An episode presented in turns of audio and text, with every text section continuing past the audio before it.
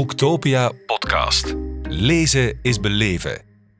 Met Sarah van Kerschaver.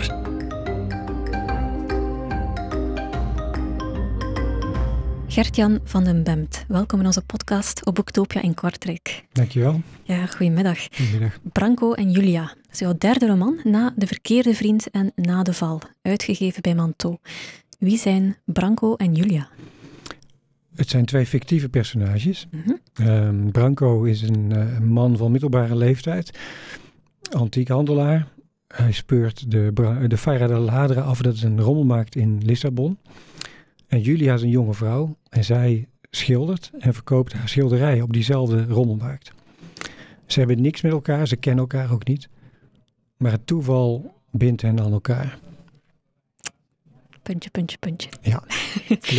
Voilà. Op de cover van je, van je boek zien we een vrouw. Ze staat met haar enkels in de zee. Mhm. Ze draagt een badpak en een, eh, een lint in haar haar. Spontaan denken we dan, dat is Julia. Maar wie is die vrouw die we daar Nee, zien? dat is niet Julia, dat zou je inderdaad denken. Ehm, dat is een vrouw op een foto, letterlijk eh, ook op de cover, maar ook een kleine foto die in eerste instantie door Julia wordt gevonden op de rommelmarkt. En ehm, in, een, in een kartonnen doos. Branco ziet dat gebeuren en denkt, dat zijn interessante foto's, die kan ik gebruiken. Want hij wil eigenlijk stoppen met die antiekhandel. Hij wil eigenlijk schrijver worden. En hij zoekt naar inspiratiebronnen. En oude foto's, denkt hij, zeker van zo'n mooie vrouw, die zouden hem wel eens kunnen inspireren. Hmm. Dus hij claimt die doos. Dus hij duwt Julia ruw opzij, grijpt die doos en koopt die van die handelaar. Julia heeft twee foto's vast, de foto op de cover en een andere foto. En koopt die twee foto's. En dat deelt die collectie in tweeën. Julia heeft er twee, Branco heeft één foto. En die verdeling, die biedt perspectieven. Ehm, de vriend van Julia, van eh, Julia, een beetje loesje jongen, die denkt daar een slaatje uit te slaan. Mhm. Eh, Branco is rijk, die is geobsedeerd geraakt door eh, de vrouw op de foto. En hij biedt aan om hem te helpen zijn collectie compleet te krijgen. En hem naar de plek te voeren waar Julia vandaan, waar de vrouw op de foto vandaan kwam. Mhm. En dat heeft als gevolg dat ze met z'n drieën, dus Branco, Julia en die vriend, in een oude Mercedes van Lissabon naar de Franse kust reizen, waar de vrouw de foto heeft gewoond. Mhm. En nu wordt het een beetje meta. Je hebt eh, zelf ook foto's gekocht. Je hebt een tweedehands markt, Ja. je hebt niemand opzij geduwd, je hebt het Nee. vriendelijk gedaan. Maar eh, jouw inspiratie komt ook van een collectie oude foto's. Zeker. Ehm, wat er in de foto's over, in het boek over de fotografie staat, is echt.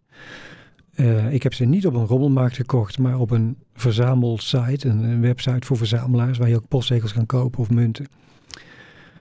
En voor mij werd het ook een obsessie. Eerst begon ik met twee foto's. Uiteindelijk is dat uitgegroeid tot meer dan 400 foto's. Mhm. eh, gekocht bij een handelaar in Frankrijk. Ik ben alles uit gaan zoeken. Ik ben daar naartoe gereden, 850 kilometer hier vandaan, om alles van die vrouw te weten te komen. Ik heb met haar buren gesproken. Ik heb haar nicht ontmoet. Ehm, nog veel meer spannende dingen, die staan ook in het boek verwerkt. Mhm. Dus alles wat in het boek over de vrouw op de foto staat, is echt. In het boek staan ook negen foto's Ja. afgedrukt, die ik zelf heb in mijn collectie. Uh, maar dat is niet de essentie van het boek. Uh, de echte essentie is denk ik dat twee personages, Branco en Julia, op zoek gaan naar de essentie van het leven. En de fotografie is meer een vehikel Mhm. om hen op weg te helpen en aan elkaar te binden. En natuurlijk zijn er gedachten over uh, het leven van anderen, uh, hè, hoe privacy, uh, wat foto's eigenlijk vertellen over iemand. Uh, maar door die zoektocht groeien die twee mensen naar elkaar toe, terwijl ze mijlenver uit elkaar staan. Ze zijn totaal anders. Maar dat maakt het wel interessant dat je ziet dat het leven per toeval mensen aan elkaar kan binden um, en dichter bij elkaar kan brengen.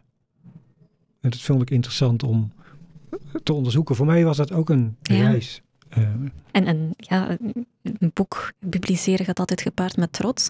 Was dat in jouw geval dan ook met een afscheid? Want dat is het moment waarop je stopt, denk ik, met te zoeken Ja, naar wie die vrouw was. Dat is, ja, dat klopt. Ja. Dat is heel lastig eh, om dat los te laten. Want ze zat wel twee jaar in mijn hoofd. Hm. Ik heb er heel veel energie in gestoken. En het, eh, ik heb voor dat huisje gestaan waar ze gewoond heeft. Dat, ik kreeg er echt koude rillingen van. Dat ik, dit werd echt heel fysiek, heel erg letterlijk. Eerst was het alleen maar fotografie, maar het werd toen tastbaar.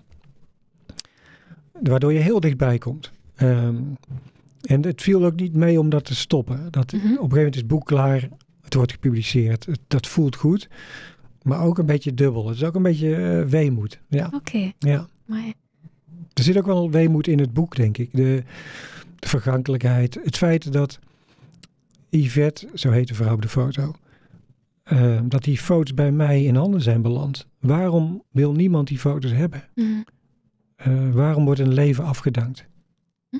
Ehm, want iedereen fotografeert de mooie momenten van het leven.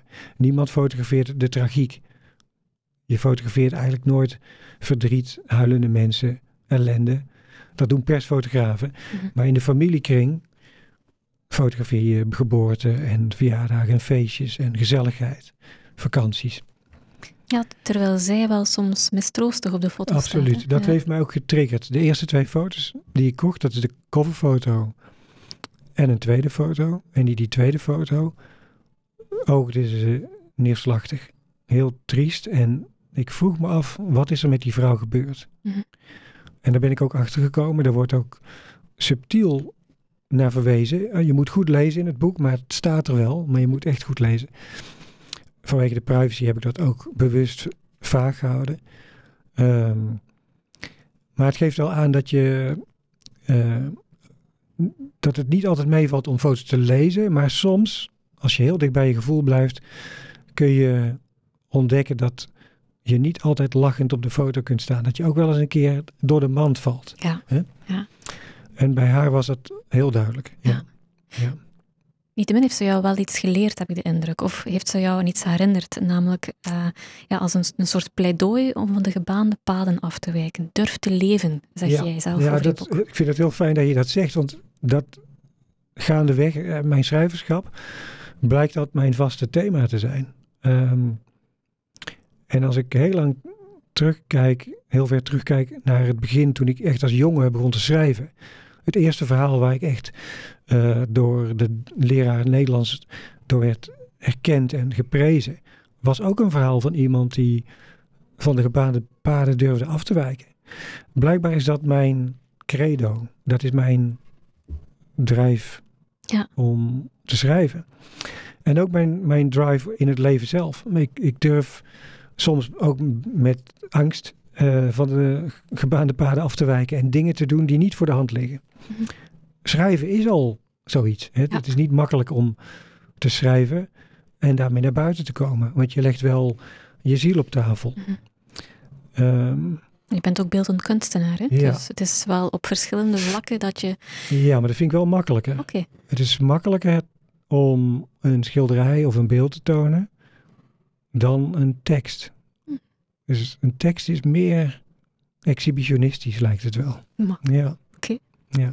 want in het schrijven bijvoorbeeld ga je ook de dialoog aan met, met anderen. Ik zag bijvoorbeeld dat je een workshop geeft eh, Ja. met, met aspirant-schrijvers. En je doet daar eh, wat je zelf ook hebt gedaan, Ja. namelijk je legt twee foto's voor. Zo meteen voor Ja. mensen die het interessant vinden, eh, in de stand van de standaarduitgeverij hier schuin tegenover, geef ik zo meteen een, een workshop, een hele korte workshop, waarbij mensen worden uitgedaagd om dat zelf eens te ervaren hoe het is. Hmm. schrijven geïnspireerd op een paar oude foto's. Gewoon om eens te voelen hoe dat, hoe dat gaat. Want is elke foto een verhaal voor jou? Niet elke foto, maar je, je, ben, ik, je kan als je goed kijkt, als je goed leert kijken, kun je al heel snel iets triggeren met een foto. Dit hoeft geen spectaculaire foto te zijn. Mhm. Nee. Ehm, en mij helpt het zelf heel erg om naar een foto te kijken van een persoon of een situatie en daarbij mezelf uit te dagen. Wie is die persoon? Wat doet hij? Wat wil die persoon? Mhm. En zo kom je vanzelf tot een, het begin van een verhaal. initieel met, met uh, Yvette, de vrouw op de foto van Branko en Julia, ontstond dat ook zo. Eerst ben ik gaan fantaseren wat zou met die vrouw gebeurd zijn. Uiteindelijk ben ik het gaan uitzoeken. En bleek dat verrassend goed te kloppen. Mm. Uh, enerzijds is dat jammer, anderzijds is het ook fijn dat je het bedenkt en dat het klopt. En later ben ik daar een ander verhaal omheen gaan bouwen, wat ik psychologisch interessant vond. Uh, ook om mezelf weer uit te dagen om van de gebaande paden af te wijken. Mag niet te comfortabel worden voor jou. Nee, nee, nee. De lat, elke keer wordt de lat hoger gelegd. Dus in mijn volgende boek probeer ik dat weer te doen. Ja. Als lezer krijg je een verhaal. Je krijgt het verhaal van Branco en Julia, um, van jou. Wat geeft het schrijven aan jou als schrijver? Um, sowieso de, de, ontdekkingstocht dat je met woorden een wereld kan scheppen. Dat is een beetje cliché antwoord, denk ik. Maar dat is wel de, de, de fantastische ervaring die je hebt met schrijven, vind ik. Dat je door, we hebben maar 26 letters in het alfabet. En, mm -hmm, altijd. en, ja. Uh, we hebben een redelijk beperkt aantal woorden en toch kun je met dat pakket fantastische dingen doen.